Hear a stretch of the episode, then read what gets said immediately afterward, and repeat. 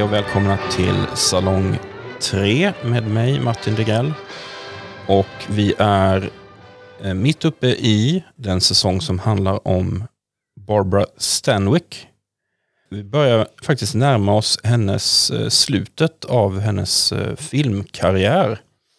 Vi ska prata om 40 Guns, 40 pistoler från 1957. Regisserad, skriven och producerad av Sam Fuller. Den legendariska multikonstnären Sam Fuller. Och eh, jag är mycket glad över att kunna hälsa tillbaka till podden Isak Hammar, historiker med mera. Hej, Välkommen. Hej. Tack så mycket. Härligt att vara Eh, tillbaka i salongsmörkret. I salongsmörkret. Ja. Eh, vi eh, kom ganska tidigt fram till att du och jag skulle säga just eh, 40 Guns, för du, hade, du har sett den förr. Ja. Jag ehm, hade en eh, period då jag såg ganska mycket Sam Fuller. Jag var tidigt eh, väldigt förtjust i Shock Corridor. Mm. Och ehm, liksom hade sett den eh, när jag läste filmvetenskap och den satt så där ganska hårt i huvudet. Och sen så eh, via, via den så, så såg jag Naked Kiss och de här lite senare. Men jag fick också tag, vid något tillfälle fick jag tag i en, en bunt filmer, House of Bamboo, Pick Up on South Street och så även den här då. De ligger ju lite grann som ett eh, pärlband Ja, på 50-talet. precis. Pick Up on South Street 53, Ja, House of Bamboo 55 kanske. ja. Och sen så kommer den här 57. Han, han var ju oerhört produktiv Ja, under hela sin Helt karriär. sanslöst, för jag tyckte ändå så att jag hade, nu tänkte jag så här, ja men jag hade ju ändå en Samuel Fuller-period och så lite, men jag tyckte inte jag hade sett någonting. Eh, och jag har faktiskt några kvar i hyllan som jag inte har sett, som Big Red One och uh, ytterligare någon kanske. Men, men den här var också fascinerande. Jag minns att jag såg den, hade jag länge letat efter den här. Därför att jag minns att Martin Scorsese pratade om den i hans sån här exposé över amerikansk film som en väldigt så här, eh, epokgörande film. Och då vet jag att jag så här tidigt skrev ner ah, 40 Guns, det är ett eh, väldigt bra titel. Alltså det är, det är inte en talande titel för filmen just kanske, men den är, den är cool. så att den, den låg liksom, den här filmen låg ganska länge och, skvalpade innan jag väl såg den. Jag tror att eh, den, hela den här eh, Scorseses, vad hela den heter? Den här eh, Någonting eh, American cinema. American Cinema. Han har gjort en motsvarande för, eh, är det europeisk film eller världsfilm? Alltså han, har gjort, han har gjort två stycken. Som Ja, är här, en tittar på Just hela det. världen Ja. och en tittar på amerikansk. Och det, det är en sån, för mig också en sån oerhört viktig liksom, del av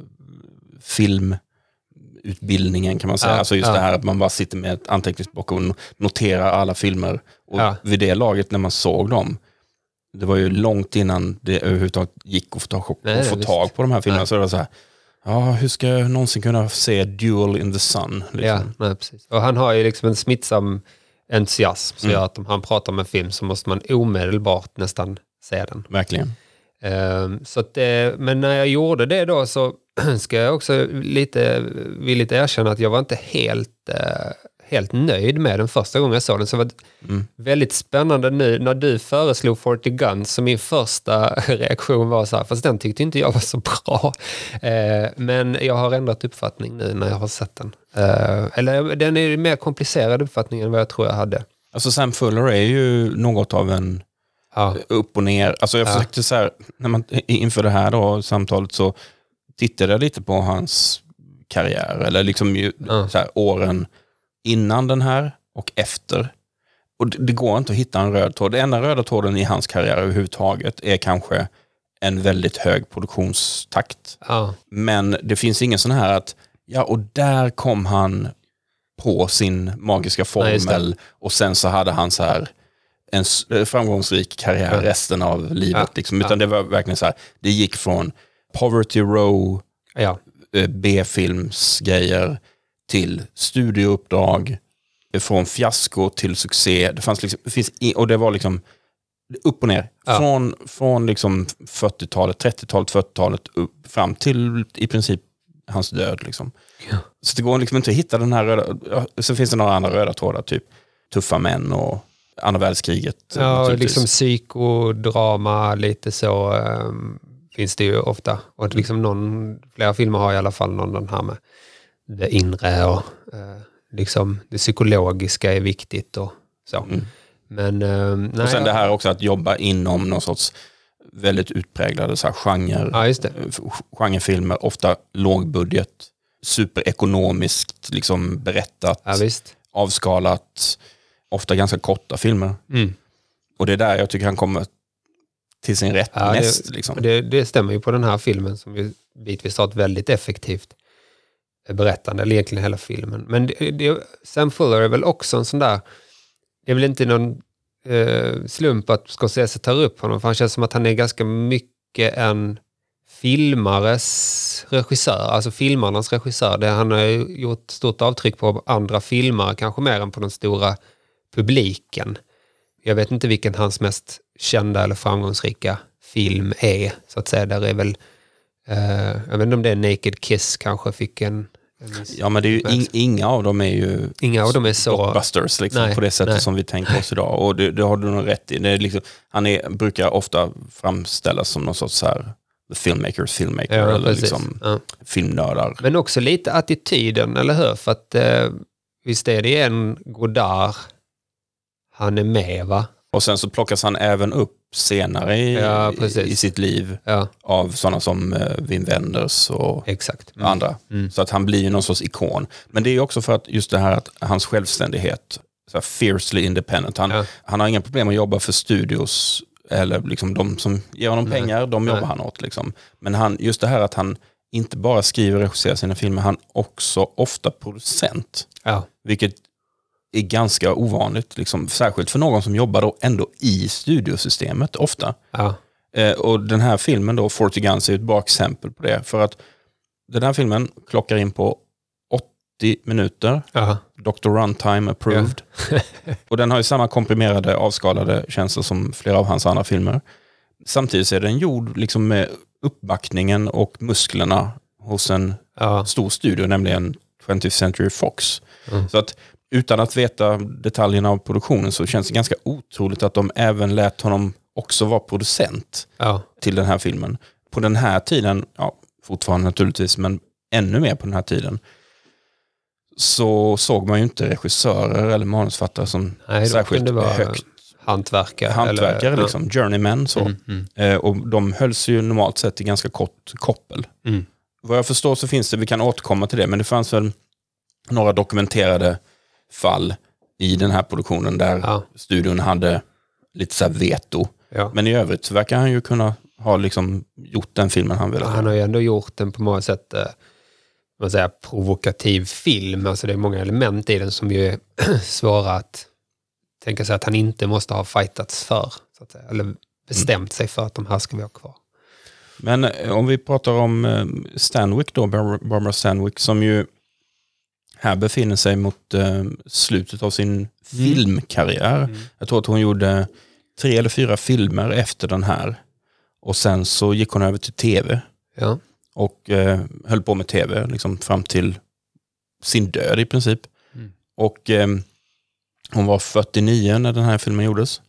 Och det här lite sor- sorgliga liksom, budskapet för tiden, men naturligtvis gäller fortfarande på många sätt. Att här har du liksom en helt otroligt framgångsrik skådespelerska. Mm. Hon är nu 49 och är bara så här, mm, nej, vi får se om vi kan här, skrapa fram någon liten roll till dig, men sen, sen är det ju slut. Liksom. Sen får du gå över till det här sämre mediet, tv. För det är bara där du Ja. hör hemma sen. Och hon bara så här, ja men så är, så är det väl då. ja. Men det är också, om man vänder på det, ett bevis på, för att jag menar 49 är ju tyvärr väldigt, eh, liksom, då har man ju ändå nått en anmärkningsvärd ålder som kvinna i, i, i Hollywood. Där måste varit många som har fått det beskedet långt tidigare i karriären. Så på något sätt har hon ju ändå kunnat förvalta Absolut. eh, och haft en, en, eh, en, en, en status som gjort att, eh, och en respekt som gjort att hon fortsatte fick filmer så här sent ändå. Mm. Vi ska prata om, eh, i ett senare avsnitt eh, i den här säsongen, så ska vi prata om hennes, eh, vad jag tror är det, hennes sista filmroll, i alla fall Mm. så här större huvudroll. The Night Walker, Mm. som är en William Castle-rulle. Aha. 64, ja. den har du inte sett. Det får, jag har inte sett, det måste jag säga. Mycket, mycket, skoj, mycket skojiga så drömsekvenser och sånt. Mm. Men det här då, 40 Guns, en westernrulle som har ett ganska spektakulärt cinemaskopfoto från eh, Absolut. Joseph Birock som kanske inte är ett namn man säger, ah ja, Joe Birock, Old Joe Birock. men, men som fotograf då, har, har, liksom, jag var tvungen att kolla upp honom. För att det är ett slående Ja, foto. otroligt, enastående. Eh, så otroligt, eh, utnyttjar verkligen det här mäktiga cinemaskopformatet. Joe Birock då, Joseph Birock, otroligt imponerande CV. CVt startar 1929 och tar slut 87. Oj, Det är en lång karriär. Han samarbetade ofta med Robert Aldrich, en annan sån här frifräsande eh, auteur-typ, eh, macho-regissör, typ som Fuller. Ja. Men han var inblandad i allt från It's a wonderful life till nämnde William Castles eh, 13 Ghosts. Aha, Och sen på 70-talet så var han dessutom så här DP på humorklassiker som Det våras för sheriffen, Blazing? Saddles Aha. och Titta vi flyger, Airplane. Jag menar, Ja. mannen hade range. Otroligt. Eh, och ehm, här, eh, förutom det här eh, mäktiga fotot så kopplat till det så är det väl den här, ehm, om man tittar på så här trivia, trivia om den här filmen så är en av de sakerna som dyker upp ofta är eh, den här långa obrutna Ja, tag, så här Ja. kranåkning Ja, som de gör, som är runt tre minuter med dialog. Och det är, inte, det är inte bara det, för att jag var tvungen att se den två gånger. Dels är det ju så här att den börjar inne i ett rum, nerför en trappa med två karaktärer som pratar. Sen ansluter en tredje person och sen ansluter en fjärde person som lägger ut ganska mycket viktig text för filmen. Och sen försvinner den fjärde personen och sen går de och pratar med en handlare och får Alltså, så går, de, eller en- de går, under den här tiden så går de. hela vägen. Man Ja. får se hela studiolotten då. Och sen så står de still ett tag. Och sen kommer det ut. Och sen kommer Barbara Stanwyck och hennes 40 Guns ridande in i samma tagning med liksom damm och allting. Så det är inte heller bara en, den är otroligt komplex. För missar de då inridningen och det inte ser snyggt ut då är det ju bara Precis, så det är inte bara det här att liksom själva kranåkningen ska funka eh, på den här, liksom, vad kan det vara, så här leriga westernstadens gator, utan dessutom då så logistiskt, liksom Ja. att det är hästar och det är... Liksom, man ska plocka upp ljud från, alltså man ska plocka upp dialog från sex personer. Men den är, den är ADR, Ja. det märker man. Det är väldigt tydligt, den kändes stundtals förstår där som, ja. kändes det som en sån här, typ en spansk westernfilm eller något sånt där, Ja. där allt efterlagt, liksom eftersynkat. Man ser det nästan lite på skådisarna för de går sådär och eh, alltså han huvudrollen Griff, han går så här. Han slår till någon häst, eller så här, klappar till någon häst som går förbi. Så de har lite små grejer för att hålla bilderna vid liv också. Men sen lade jag märke till att de, de gör en nästan identisk tagning senare i filmen på samma, samma sträcka, fast Ja. den är kortare. Ja, Jag vet inte om du tänkte på det. Den Nej. är liksom så här, antagligen tänkt så här, ja men vad fan, nu har vi riggat det här, vi, kan vi, bara, Ja. vi kör en till, fast Precis. den här scenen som ligger liksom 20 sidor längre fram i Ja, manus. ja. Men, men eh, liksom nu har vi ändå kommit in på, på tekniken. Det är ju också det här med, alltså det är många kameravinklar. Alltså dels används ju cinemaskopet så här ganska utstuderat sådär att eh, det är till exempel det här när man först får se närbilder på Barbara eh, Stanwyck och på uh, Griff då. Och sen visar sig att, att mellan dem sitter de här 40 pistolerna, de här 40 revolvermännen. Och då går ju liksom cinemaskopet hela bordet ut bara för att här långsamt visa dem. Som utnyttjar ju också det väldigt så här berätta, nästan lite lekfullt liksom. Ja, men det, det är nästan lite, blir nästan lite komiskt Ja. emellanåt. Ja. Eh, Och eh, jag tänkte precis i den här början, för det, filmen börjar ju med att de här tre bröderna... Eh, ja, ska vi säga någonting kan säga om vad, det. vad det Ja, liksom, precis. kortfattat vad den handlar om? Ja. Vi, är, vi är i Arizona, va? just det. 1880-tal typ. Ja. Klassisk vilda västern-miljö och tid. Ja. Eh, ja, vi är i Tombstone till och med. Alltså, Alltså jag tror eller- det, men det, jag vet inte om det sägs riktigt. det, det, ref, det refereras till i alla fall. Och det är uppenbart att, att det riffar lite grann på hela så här, Ja. myter och legender om Tombstone, om så här, Wyatt Earp och, Och hans hans bröder ja, och sådana här saker, fast de ändrar lite grann och sådär. Jo, men egentligen det enkla sättet att beskriva den är väl också att det är, det är liksom Wired Earp-berättelsen fast man har bytt ut antagonisten till en, till en kvinna. Och sen det, får det konsekvenser också för, för berättelsen, så att säga, var den tar vägen. Ja. Men det är ju, den hisspitchen är ju väldigt kort och koncis. Kortfattat så går det ut på att det är tre bröder som är tidigare revolvermän men numera Ja, jobbar lite grann som så här Bounty Hunters, lite ja, gun for hires fast snälla. Liksom. Och de anländer då till det som eventuellt är Tombstone då. Och de är på jakt efter en, en man som det finns en warrant for his arrest, klassiker. Mm. Och det visar sig att den här, den här lilla hålan som kom till styrs informellt med järnhand av då en så här ranchägare, landägare ja, som då råkar vara kvinna då, som Ja. är då Barbara Stanwicks eh, Jessica Drummond. Ja. Och eh, den här mannen som de är ute efter, han är med i hennes liksom, posse, eller Mm. liksom han, hennes gäng av hejdukar. Mm. En av de här 40 pistolerna då. Eh, så det, det kan man väl säga. Och sen så blir det liksom de konflikter som man kan tänka sig av detta. Det vill säga eh, huvudbrodern då, Griff, som är liksom ledaren, storebrorsan.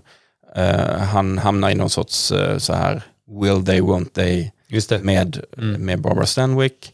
Mellanbrodern siktar in sig på att slå sig ner i, Mm. i Tombstone. Och eh, den yngste brodern som Han behandla, vill- behandlas ja, lite, så här, lite så här, eh, med en klapp på huvudet. Liksom. Han eh, ska dra vidare till Kalifornien. Ja, han vill ju också, kan man säga, han vill ju bli som sina storebröder. Han vill också Mm. vara en, en revolverman eller en, lag, eh, en lagens man, så att säga. Men de håller ju honom lite så här undan det. Och det kan man väl också säga är ett, ett, ett ganska starkt tema i filmen, det här att de två är luttrade, så att säga, våldsmän som liksom ångrar det livet på något sätt, eller åtminstone försöker komma ifrån det livet. Medan Exakt. han vill ju liksom in i eh, samma liv som de. Klassisk där dynamik att de, de vill ju skydda honom. Ja. Men han ser det som att de, Patronise. ja, precis, att de behandlar honom dåligt. Så.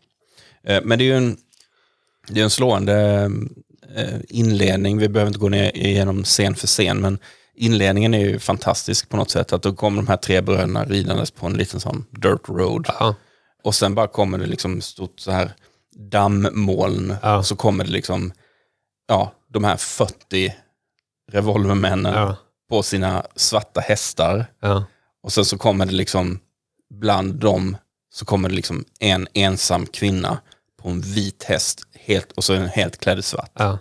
Och det är så otroligt slående. Mm. Eh, och de jobbar mycket med de här kontrasterna Mycket, mellan, alltså de visuella kontrasterna, att hon liksom med sin vita häst och de andra är väldigt så här nedtonat, mörka toner, allting så, ingen sticker ut. Och sen så jobbar de mycket, det tycker jag också lite så här, nästan humoristiskt blir det, att de här 40 revolvermännen, det är nästan som att de rör sig som en, de är som en egen organism. ja, Och, och de följer hennes minsta vink. ja. Så om hon rör på sig så rör de på sig.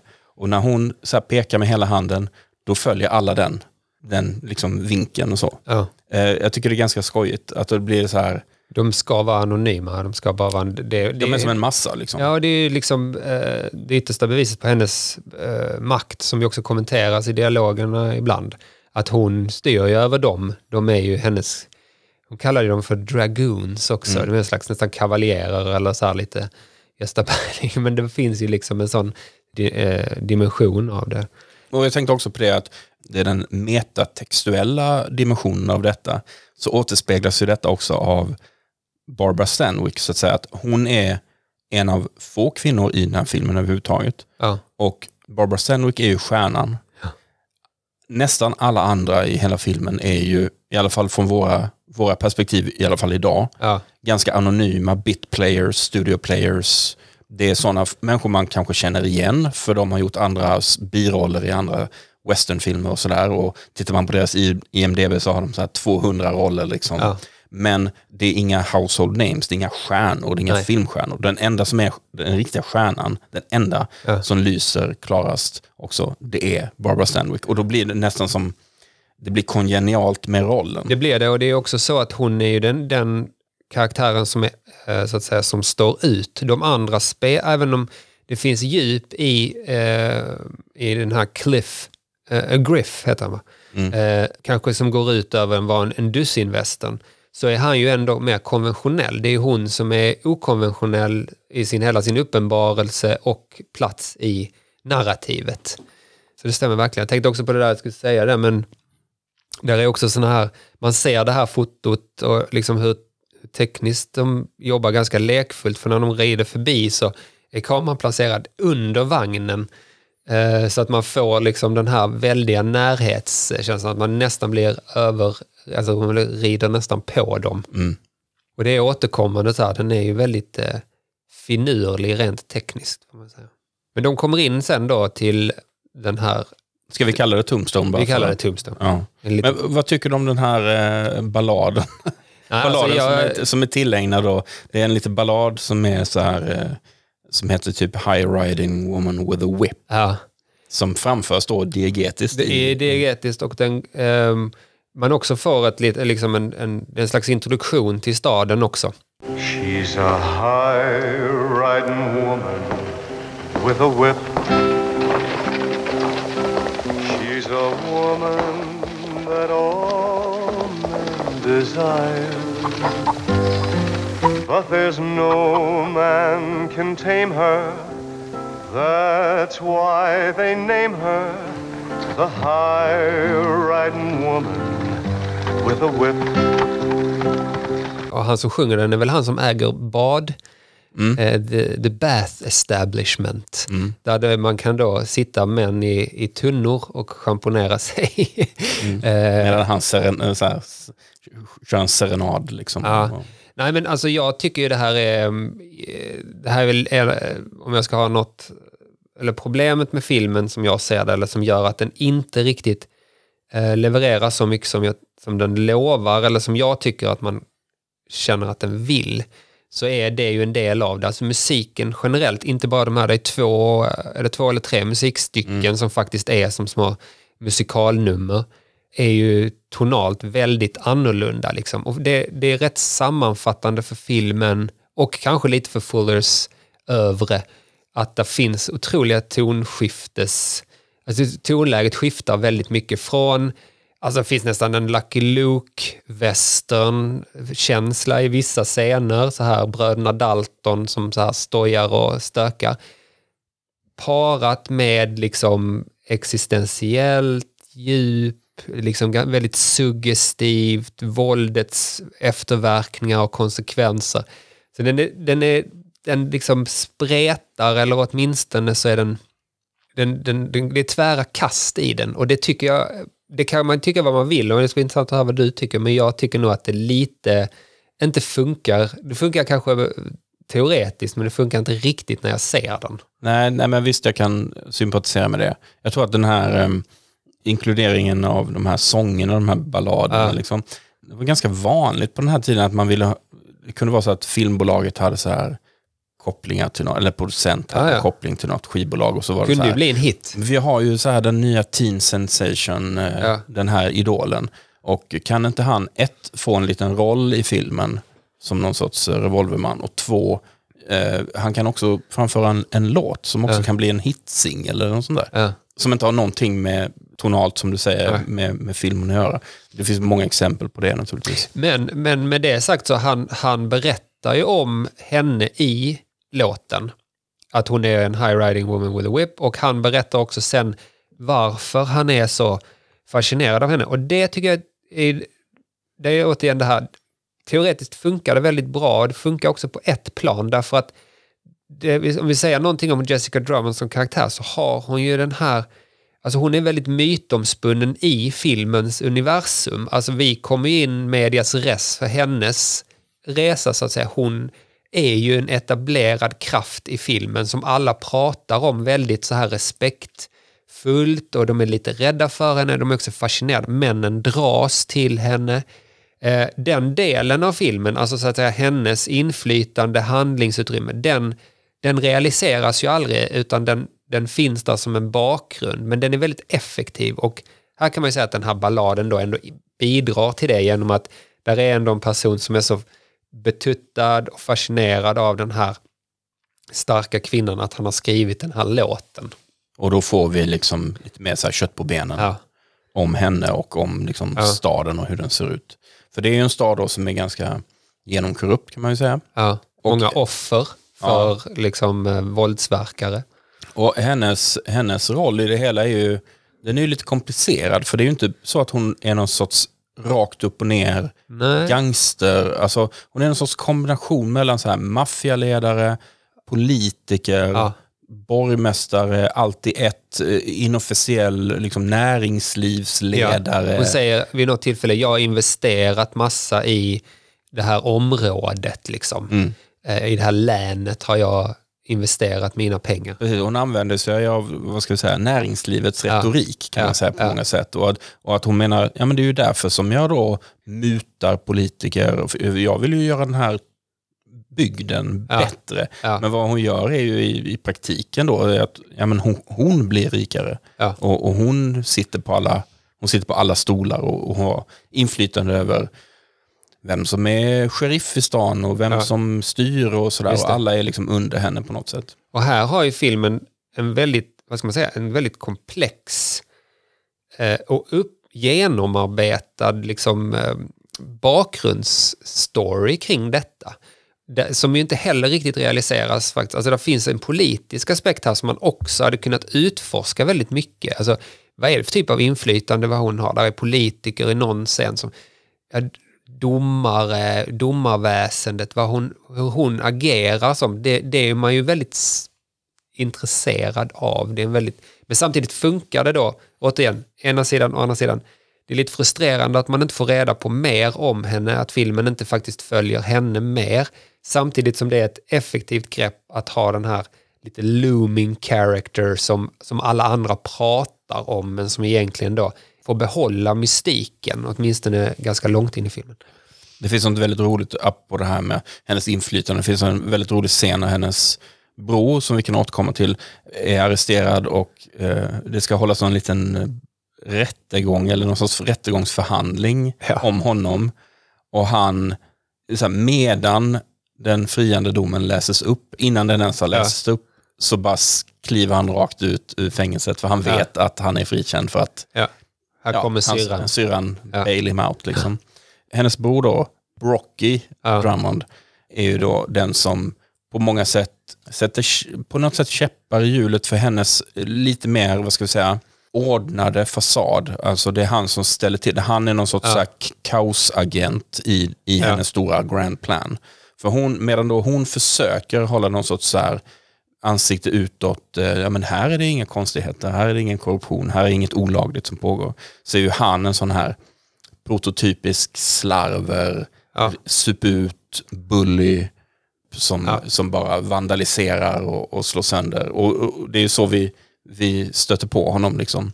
Han och hans gäng är så fulla och eh, håller på att slå Ja. sönder hela stan. Och det är en typisk, vad ska jag säga, en typisk western-scen.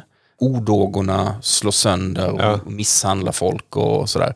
Skjuter prick och... Skjuter prick och sådär. Och jag tänker alltid när jag ser den typen av scener sådär att gör de det här varje dag? Är det liksom, hur, hur ofta kommer de in till stan och så här, men ni var ju här igår, ni har redan Ja. slagit sönder Jag har allt. inte hunnit Liksom. byta ut. De väntar tills de har bytt ut alla rutorna för annars är det inte roligt. Det är ju en lite humoristisk fråga kanske, men, men just det här att är den enda drivkraften eller målet så här, att skapa liksom kaos och typ så här, Ja. skjuta folk helt så oprovocerat och tycker det är jätteroligt. Och så, gör ni det varje, eller är det så här, kommer ni en, en gång i månaden och gör detta? Liksom, vad, vad är, löning. vid löning så.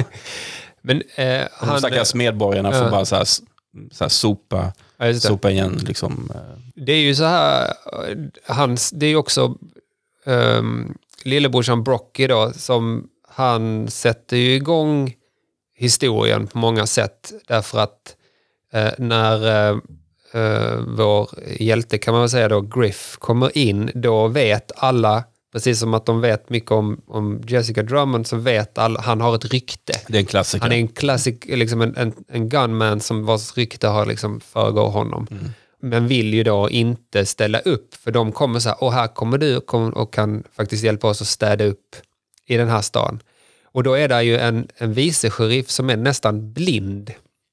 Som också fungerar lite som en introduktion till, till vår hjälte därför att han, han känner Griff sen han tidigare. känner Griff tidigare, han är nästan blind och han har blivit hotad av lillebrorsan att lämna stan. Och Griff säger bara, det är bara att sticka, jag tänker inte lägga mig i detta. Det är också en klassisk trope den här.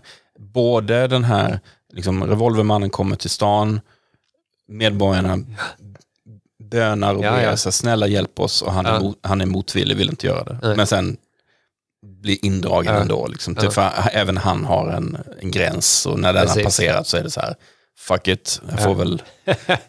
för han säger ju också så här, jag har inte dödat en man på tio år och Nej. så där, och han, Det är väldigt tydligt att han, han vill gärna ha lämnat det här våldsamma. Ja, han hanterar ju den här situationen med den, med den fulla spolingen Brocky. Också genom att de bara slår ner honom. Man tror, den bygger upp som om att det ska bli en, en showdown och en shootout. Men han liksom bara däckar honom. Och han gör det på ett sånt otroligt modigt sätt. Så att säga. Ja. han, han bara går konfronterar honom mitt ute på gatan under pistolhot. Och han liksom bara nitar honom istället. Ja. Här Eh. ser man ju också prov på liksom det här, det tekniska. Det är väldigt mycket då extrema närbilder, liksom långsamt bygga upp att han går, liksom ett, ett lek med, med klipp egentligen. Därför att när han väl slår till honom, vi tror, vi har inte fått uppfattningen att han är så nära den här eh, Brocky. Så att det blir också liksom ett så här, alltså, Mm. är lite som det där med den jag berättade om den här scenen där man får sen se, oj där satt 40 personer emellan karaktärerna som pratade. Det var också lite här så att man liksom klipper av avståndet så att man ska få en liten, bli lite förvånad. Vi kan säga också att den här eh, vice sheriffen då med synfelet, det är också en sån här person med eh, 200 IMDB credits. Hank Worden, som Mm. då har liksom spelat i en massa så här John Ford westerns och sånt där. Men som folk kanske i vår generation känner igen som eh, den förvirrade gamla servitören på Great Northern Hotel i Twin Peaks. Aha. Som kommer med Agent Coopers eh, mjölkglas när Agent Cooper ligger skjuten på golvet. Och, och liksom kommer in där och liksom ger, Märker ger tummen Ja, upp just och hela den här grejen. Okej. frustrerande men också fascinerande scen. Och eh, det, det ansiktet och den figuren den glömmer man ju inte. Och det är då Hank Worden som Aha, spelar den här. ser man på.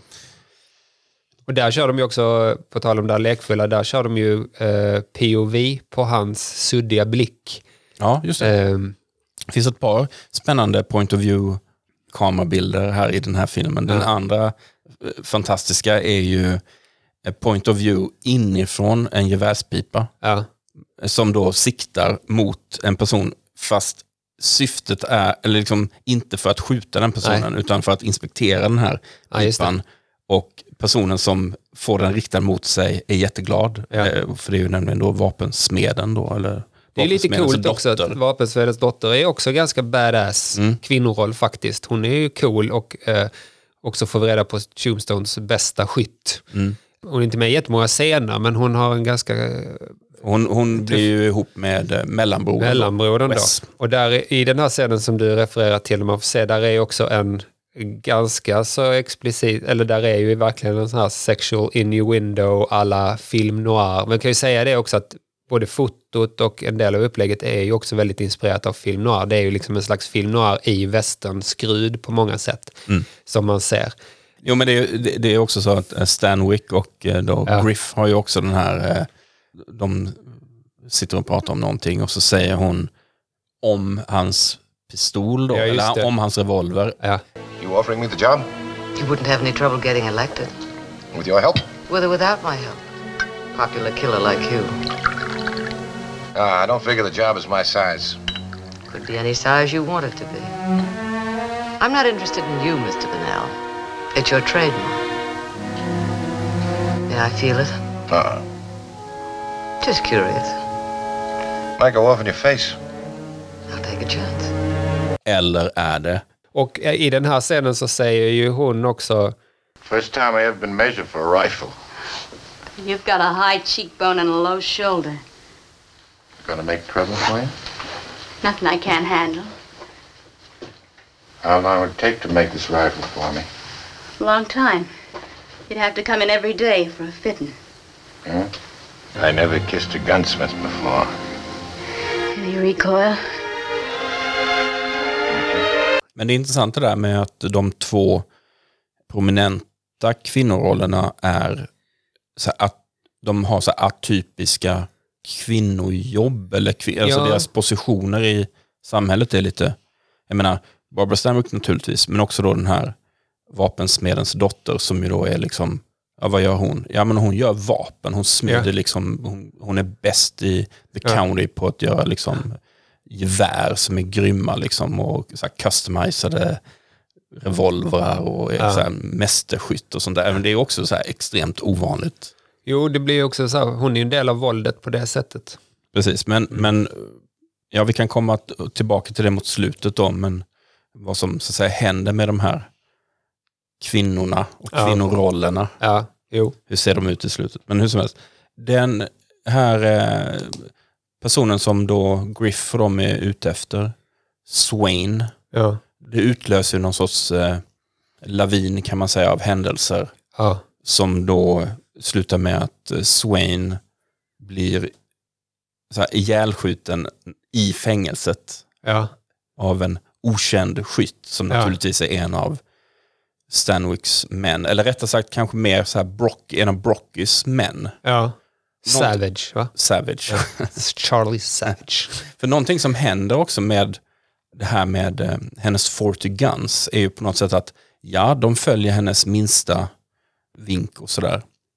Men någonting händer ju också med, alltså det antyds nästan att när korruptionen är så total och deras våldskapital är så to- totalt att hon nästan inte kan styra dem till slut. För det blir som, vi, visserligen via då Brocky, så tar de ju lite egna initiativ och alla de initiativen handlar ju om våld. Det handlar ju om liksom att vi, ja, vi måste döda den och den.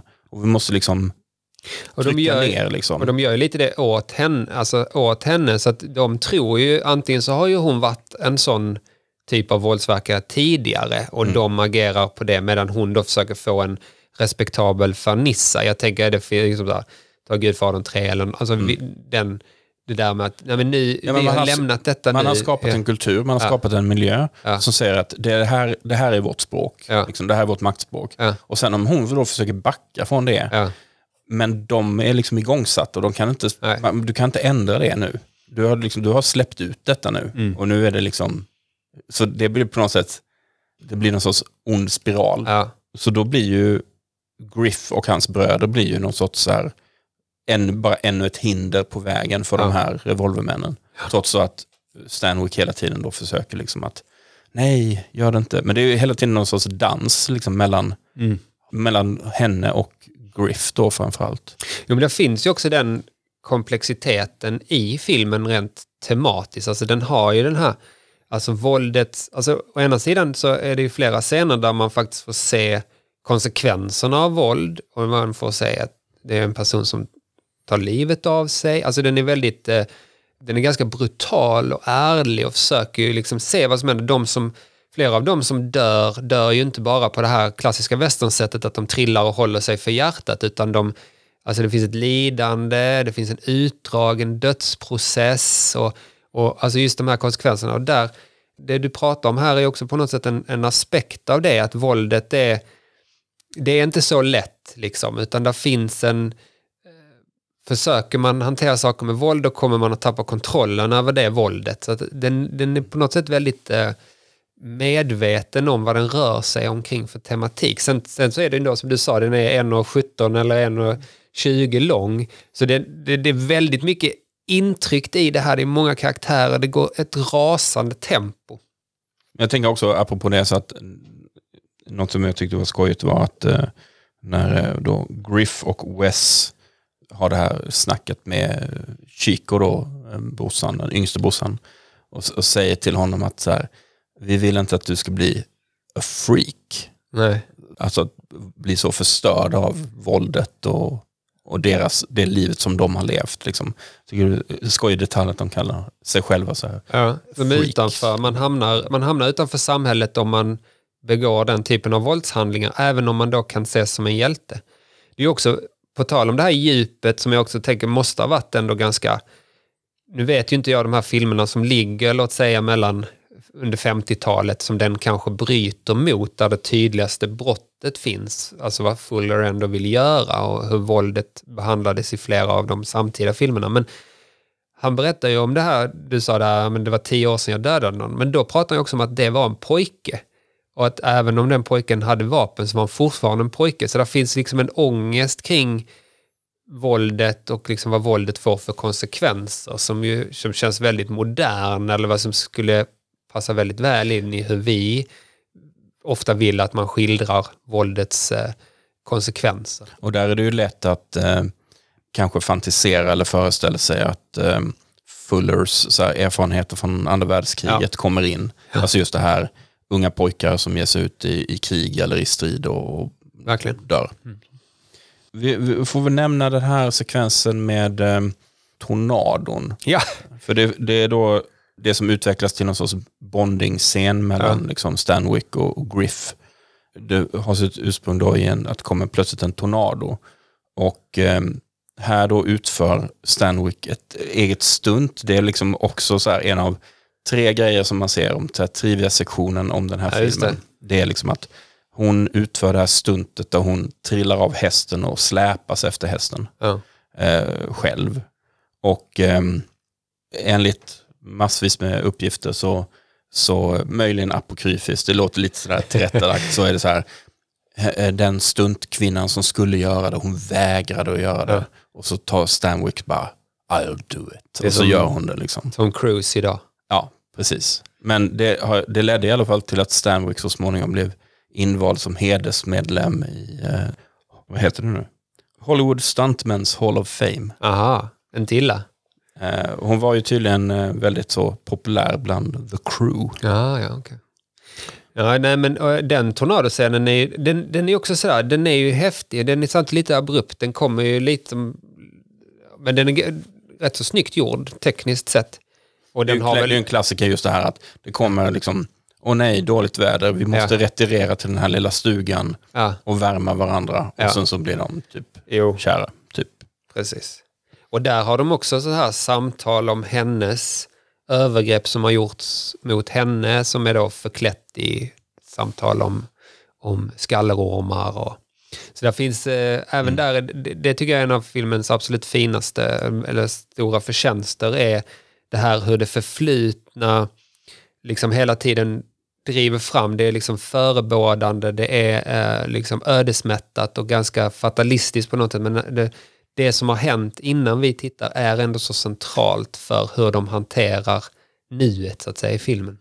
Och där får vi ju hennes liksom origin story kan man ju säga. Eh, Och varför hon är så tuff och hårdhudad. Och varför hon bryr sig så mycket om den här Brocky, för det var hon som fick förlösa honom då när mamman dog i... I barnsäng. Ja. Eh, vad kan vi mer komma in på? Jo, vi... ehm, Jag skulle vilja prata om den här, det finns en, min favoritscen i den här filmen är ett, ett överfall som är otroligt snyggt gjort, eller de, de har planerat ett överfall. Det är ju den här, bakhållet. Bakhållet kan man säga. Det är ju också då en, en sheriff som har jobbat för Stanwick och som tycker Mm. Han är en av de stora tragiska figurerna i Ja, den här historien. och han, han ehm, Typiskt vek, sheriff, Vek korrupt, sheriff. korrupt Ja, liksom. Men som har varit en del av hennes så här sphere of influence Mm. då.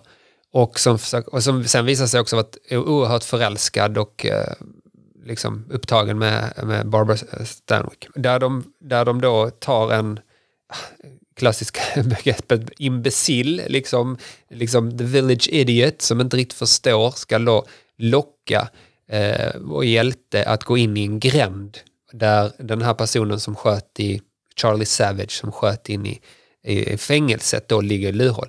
Dels är det ju ett klassiskt så här, liksom Hitchcock-grepp eller så att först berättar vi vad som ska hända och sen så spelar vi upp den sekvensen där vi som publik vet var faran befinner sig. Men den är också så otroligt snyggt både fotad, vinklarna är supercoola och liksom tekniskt så här sett så är den, den tyckte jag var otroligt njutbar att se. Ja, jag håller med. Och, och en rolig bonus på det är den här stackars Wiley, då, som han heter, som ska locka in Ja, då Griff i, i gränden där. Som är så nervös. Ja. Han är så supernervös och och orolig. och- Och, och, och till slut så svimmar han ju. Ja. För han, är, han, han klarar inte av det. Liksom. Eh, och så står han, när han får då beskrivet för sig vad han ska göra och så. Då står han liksom väldigt så symboliskt fram, framför ett gäng så här öppna, tomma likkistor. Så Ja, så här, ja. dead man walking. Liksom. ja, ja. Sen är det ju då den här yngre brodern som de precis har, som ville bli revolverman men som de precis har skickat iväg. Han kommer då och, så, och han skjuter den här som ligger i bakhåll, Charlie Savage. Han skjuter räddar- räddar dagen. Han räddar dagen, men han gör det genom att skjuta honom i bakhuvudet. Mm. Vilket då, dels så är ju storebrodern då besviken över att han nu är indragen i den här våldsspiralen. Nu, här, har, nu är det nästan kört. nu är det, nu är Nu har det du begått det här. Ja, nu har du tagit första steget. Liksom. Eh, Men också så, och det här är väl lite talande för filmen, för där det finns så otroligt mycket djup och tanke bakom det. För det som händer sen då är att det uppfattas ju då som också i viss mån skamligt. Och det får vi reta på därför att Brocky som hoppades att det här bakhållet skulle lyckas, han sätter upp den skjutna Charlie Savage i eh, The Undertakers eh, fönstret hos eh, begravningsentreprenören. Och skriver också en lapp att det här mannen blev skjuten i, i ryggen. Och det är ju Av de eh, så här, fega Ja. bröderna. Liksom. så Fuller vill hela tiden ha in den här komplexiteten. Men eftersom filmen då är 1.17, det följs ju aldrig riktigt upp. Lösningen är bara att han går in och pratar med eh, begravningsentreprenören, tar bort skyltarna. Men där finns också en otrolig, liksom, runt omkring berättelse kring den här stadens förhållande till våldet och vilka som ska rädda den. Och det hade ju kunnat, det hade kunnat bli en lång tråd där de helt plötsligt blev impopulära eller drevs på flykten för att de var fegisar eller att det, gick illa för den här yngre brodern. Men det är liksom en tråd för mycket på något sätt för filmen. Men även, även Griff är ju liksom typ kritisk mot, eh, trots att då Chico räddade hans liv, så är han Ja. ändå så kritisk. Dels då för att nu har han också ja, dödat någon, Ja. men han också sköt någon i ryggen. ja, Det är så här, nej så, så gör man inte. Liksom Nej. så här, ja, men dude, ja. jag räddade livet på dig. Och han är ju så lycklig och glad. Eh, jag gjorde det, jag gjorde det. Liksom. Jag, jag blev hjälte, men så... Det tas också ifrån, alltså filmen tar ju också, och Fuller tar ju också ifrån honom det. Mm. Du är, man är inte en hjälte för att man Precis. Och sen så, det här leder ju i slutändan till att den här eh, korrupte sheriffen, han får Ja. en sån megakris Ja. och blir förskjuten av Stanwick i en sån otroligt smärtsam scen när han Ja. verkligen så deklarerar sin kärlek till henne och hon bara så här, okej här är en check, Han nu bara, kan vi bara lämna Ja. stan. Liksom. Ja. Jag köper ut honom och han så här, tar checken, går och sen så Ja, fem minuter senare, så här, Ja, vad är det som dunkar? Ja, så här, dunk, ja, dunk. så här, jo, han har hängt sig då. Ja. Och då är inte det heller ju, alltså det är ju inte, ehm, det är otroligt effektivt då att vi bara får det här dunket. Det är, det är, det är liksom verkligen ett exempel på hur välberättad filmen är. För det är en extra spänning, vad är detta som har hänt? Men vi får ändå se honom hänga där, så det är inte Ja, det är heller den här eh, liksom, som vissa västern kanske, att man kan bara, alltså självmord och vissa typer av moraliska övertramp kan man bara antyda. Mm. Utan här får vi ändå det ganska point blank. det läggs ju också in en växel här nu, en övre växel, en högre växel med brutaliteten. För nu liksom, det är ganska brutalt när han hänger sig. Ja. Sen blir det ju ännu mer brutalt när då Wes, eh, som har bestämt sig för att stanna Ja. i stan, blir ny sheriff, gifta sig med den här vapensmedens dotter och verkligen så här settle down. Ja. Eh, De gifte sig och eh, under bröllopet så eh, försöker då Brocky skjuta ihjäl Griff. Ja. Men Han ska pu- eh, kyssa bruden eller då... Ja, så han råkar skjuta Wes istället, Ja. som bara dör på, vis, Ja. på sitt eget bröllop. Alltså det är superbrutalt. Och det är också så här, ett exempel på det effektiva berättandet. Man får inte se någonting från ceremonin utan det är klipp till att de kommer ut från kyrkan. Så den, den är ju verkligen, den har det här spar, sparsamma berättandet hela tiden. Vilket också gör att den får, att det blir väldigt tvära kast. Alltså de är gifta i 30 sekunder av, film, av filmtid ungefär. Liksom. Eh, och eh, detta får ju då till slut Stanwick att ta sin hand från borden. Säga något om sekvensen där, för att bröllopet övergår ju då direkt till en begravningsscen. Och den är också väldigt speciellt hanterad. Det är också ett musiknummer eh, och sen står drosk, alltså begravningsdroskan, the hearse, står eh, otroligt foto, så här monochrome, alltså otroligt snygg svärta och eh, änkan bara står. Så liksom, den berättar liksom på något sätt hela, alltså all konsekvens också, men egentligen ganska konstnärligt gjort utan dialog, utan att någon säger åh jag saknar honom så mycket. Och liksom nästan lite sådär otroligt suggestivt bildberättande. Ehm, Det hela slutar med att um, alltså Brocky måste ju sona sina brott naturligtvis. Och eh, Griff måste ju, det har, vi förstått att när vi då har liksom den här uppgiften om att han inte dödat någon på tio år.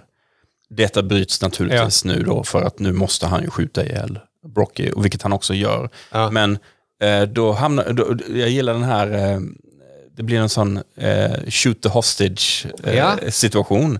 Där ju Brocky tar sin egen syster då som gisslan. För att hon kan inte få ut honom. Hon försöker, men verkar det som med då fullt lagliga medel eller åtminstone kanske med korruption, att muta domare eller så. Vi får inte riktigt, återigen den här spännande bakom kulissen, vad, vad är hennes sphere of influence? Men, men han blir otroligt besviken på henne då, för han säger det är klart du kan fixa ut mig om du hade velat, om inte du hade varit kär i eh, Griff, då hade du fixat ut mig på en sekund. Och det ligger kanske något i det, där finns en spänning där mellan dem. Men, men så han tar i alla fall henne som gisslan och, eh, och, och verkligen så här Du kan inte skjuta. utmanar så här, I dare you, liksom. Var på Griff, otroligt cool scen, Ja. måste man säga. Att han liksom bara så här, okej, pang, bara Ja. skjuter. Och så, han skjuter naturligtvis, han är ju så duktig på att skjuta. Ja. Så att han vet att han kommer att bara skada henne. Det får vi reda på sen för karaktärerna säger det till, Ja. till oss. Ja. Och, eh, och, och Fuller, det var också tydligen en av få så här studio notes. Att ehm, Fuller hade ju tänkt att han, hon skulle dö. Ja, Liksom. ja och det, det måste jag säga, det hade ju varit en ett mycket mer tillfredsställande slut. Eh, men, men, och sen också säga det att efter han har skjutit henne, då skjuter han ju uh, Brocky fem gånger. Ja. Och de kommenterar också på det. Återigen det här Fullers, liksom, han tar konsekvenserna av, av hur han skildrar och, och vad han gör för val kring våldet. Att han, de, han säger, du, brorsan som sen då blir den nya sheriffen, säger du sköt inte honom som en lagman. Utan du sköt honom känslomässigt. Mm. Och det är väldigt, också en väldigt häftig grej för han skjuter, det är också det här lite plågsamma utdragna dödsögonblicket eller processen där han inte omedelbart dör utan liksom han plågas under en, under en kort stund medan han, Ja, han, säger, han, han säger något ganska upprörande. Va? Han säger så här, I'm killed, I'm, I'm, you killed me. Eller, nej, Ja, det är något sånt. Ja. Jag måste säga, slutet då. Ja. Vi pratade om de här liksom, atypiska kvinnorollerna, eller liksom, hur ska man uttrycka det, kvinnotyper, karaktärerna. Ja. Men tänk då på slutet hur det ser ut när liksom, eh, Barbara Stanwicks eh, Jessica då springer i kapp eh, Griff Ja. när han ska lämna stan. Hon är klädd i vit klänning, väldigt så kvinnligt eh, Ja. kodad klänning. Så då har vi gått från alltså den dominanta svartklädda cowboyklädda Ja. Stanwick med cowboyhatt och så vidare. Med makt och inflytande. Med makt och inflytande. Hon kapitulerar inför liksom kärleken och mannen. Ja.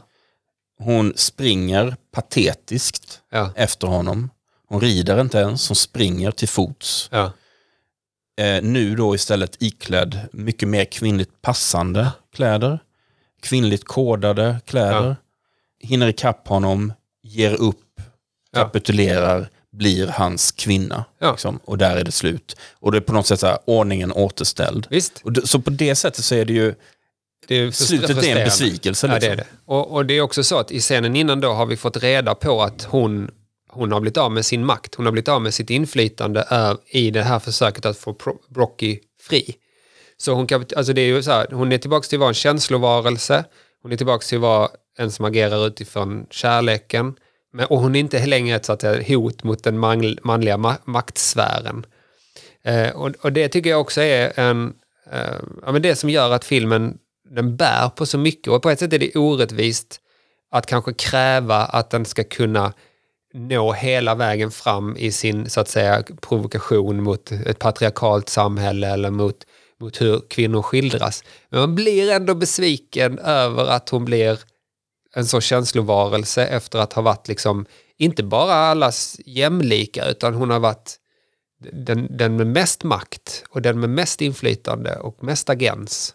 Och det logiska på något sätt ändå hade ju varit att om då Fullers originalslut varit det som vi fick se. Ja. Det vill säga att hon lever det här livet och hon tar konsekvenserna av det livet. Ja, Och det är att liksom, jag menar hur mycket har inte hon överträtt lagen och, och betett sig svinigt mot hur många människor som helst i hela, Ja. hela sitt liv. Liksom. Och nu ska vi plötsligt tro att hon är så här, Men det är därför jag också tror, det kan ju också vara en anledning till att det är lite förvirrande. Hur, hur kriminell är hon? Eh, alltså de pratar om, det är på ett sätt effektivt att de pratar om det i lite diffusa termer. Eh, och att det finns ett antydan hela tiden om att det är mut och korruption och kanske kriminalitet. Men det är också lättare då att förlåta henne eftersom man då, om man ser liksom reverse engineerar filmens slut, att om hon ska kunna eh, bli förlåten och bli hans kvinna, då kan hon inte heller ha mördat någon, åtminstone som vi har sett och fått reda på. Men samtidigt så vet vi ju då att den här organismen, The 40 Guns, Ja. då vet vi att de agerar ju utifrån hennes Ja, ja. minsta Ja, lilla vink. Så, så att det är en, det är en klassisk, eh, så här, generalerna eh, döljer, Ja. eller så här, gömmer sig Ja. bakom bassarnas eh, bord och övergrepp. liksom. Ja. Men, och där tycker jag, tillbaka till det jag sa något inledningsvis om det, så jag tror först, jag sa ju också där att jag var lite besviken på den när jag såg den första gången. Jag har liksom byggt upp under tio års tid, 40 Guns liksom.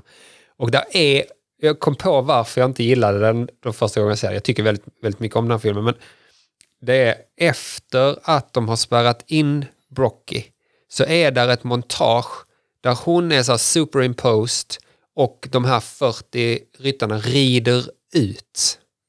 Som att här kommer The Shogun, nu får vi titelns 40 pistoler, det kommer bli den här mäktiga. Så. Men vad de tar vägen det får vi aldrig reda på för sen är det hon som själv trippar in på stationen och säger tyvärr jag har liksom uttömt eh, möjligheterna nu. Så där är liksom någonting med att vad tar de här 40, vad, vad, när får vi se 40 guns liksom? Nej, det är sant. Nej, vi, vi får se dem bara i början, Ja. jag. Alltså, Ja. den första inledningen. Det borde Men- ha hetat eh, A Woman with a Whip som det stod eh, i trivia-sektionen på IMDB att den hade haft Mm. som arbetstitel. Fast hon har heller ingen piska. Nej, det är sant. Eh, det finns en eh, annan film från typ tidigt 60-tal med Anne Margaret som heter Kitten with a Whip. Aha, Det är möjligt okej. att någon plockade upp liksom den. Eh, Vi avslutar ju alltid med att fråga, vem hejar du på? Vem hejar du på i 40 Guns, Isak? Eh, Jag hejar ju på, alltså jag vill ju se mer av Barbara Stanwyck och hejar på ett sätt på henne. Men hon är ju, så det är klart att det är lättare att heja på till exempel eh, vapensmeden, att de ska få ett, få ett lyckligt liv så att säga.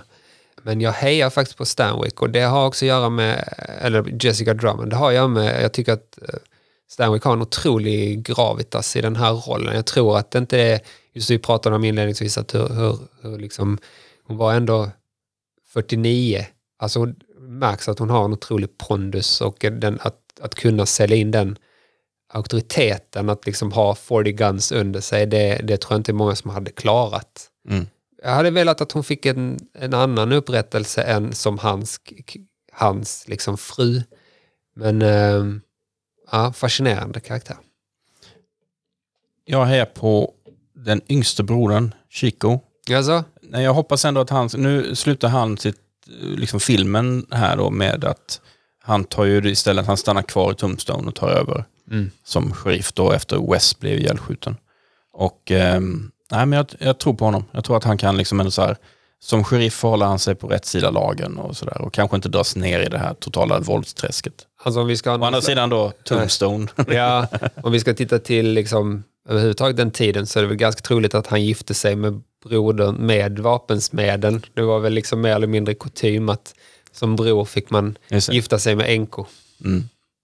Ja, men det här var alltså 40 Guns. Eh, Isak, stort tack för att du ville vara med och snacka om denna fina film. Tack så mycket för att jag fick komma. Och eh, då säger vi tack och hej.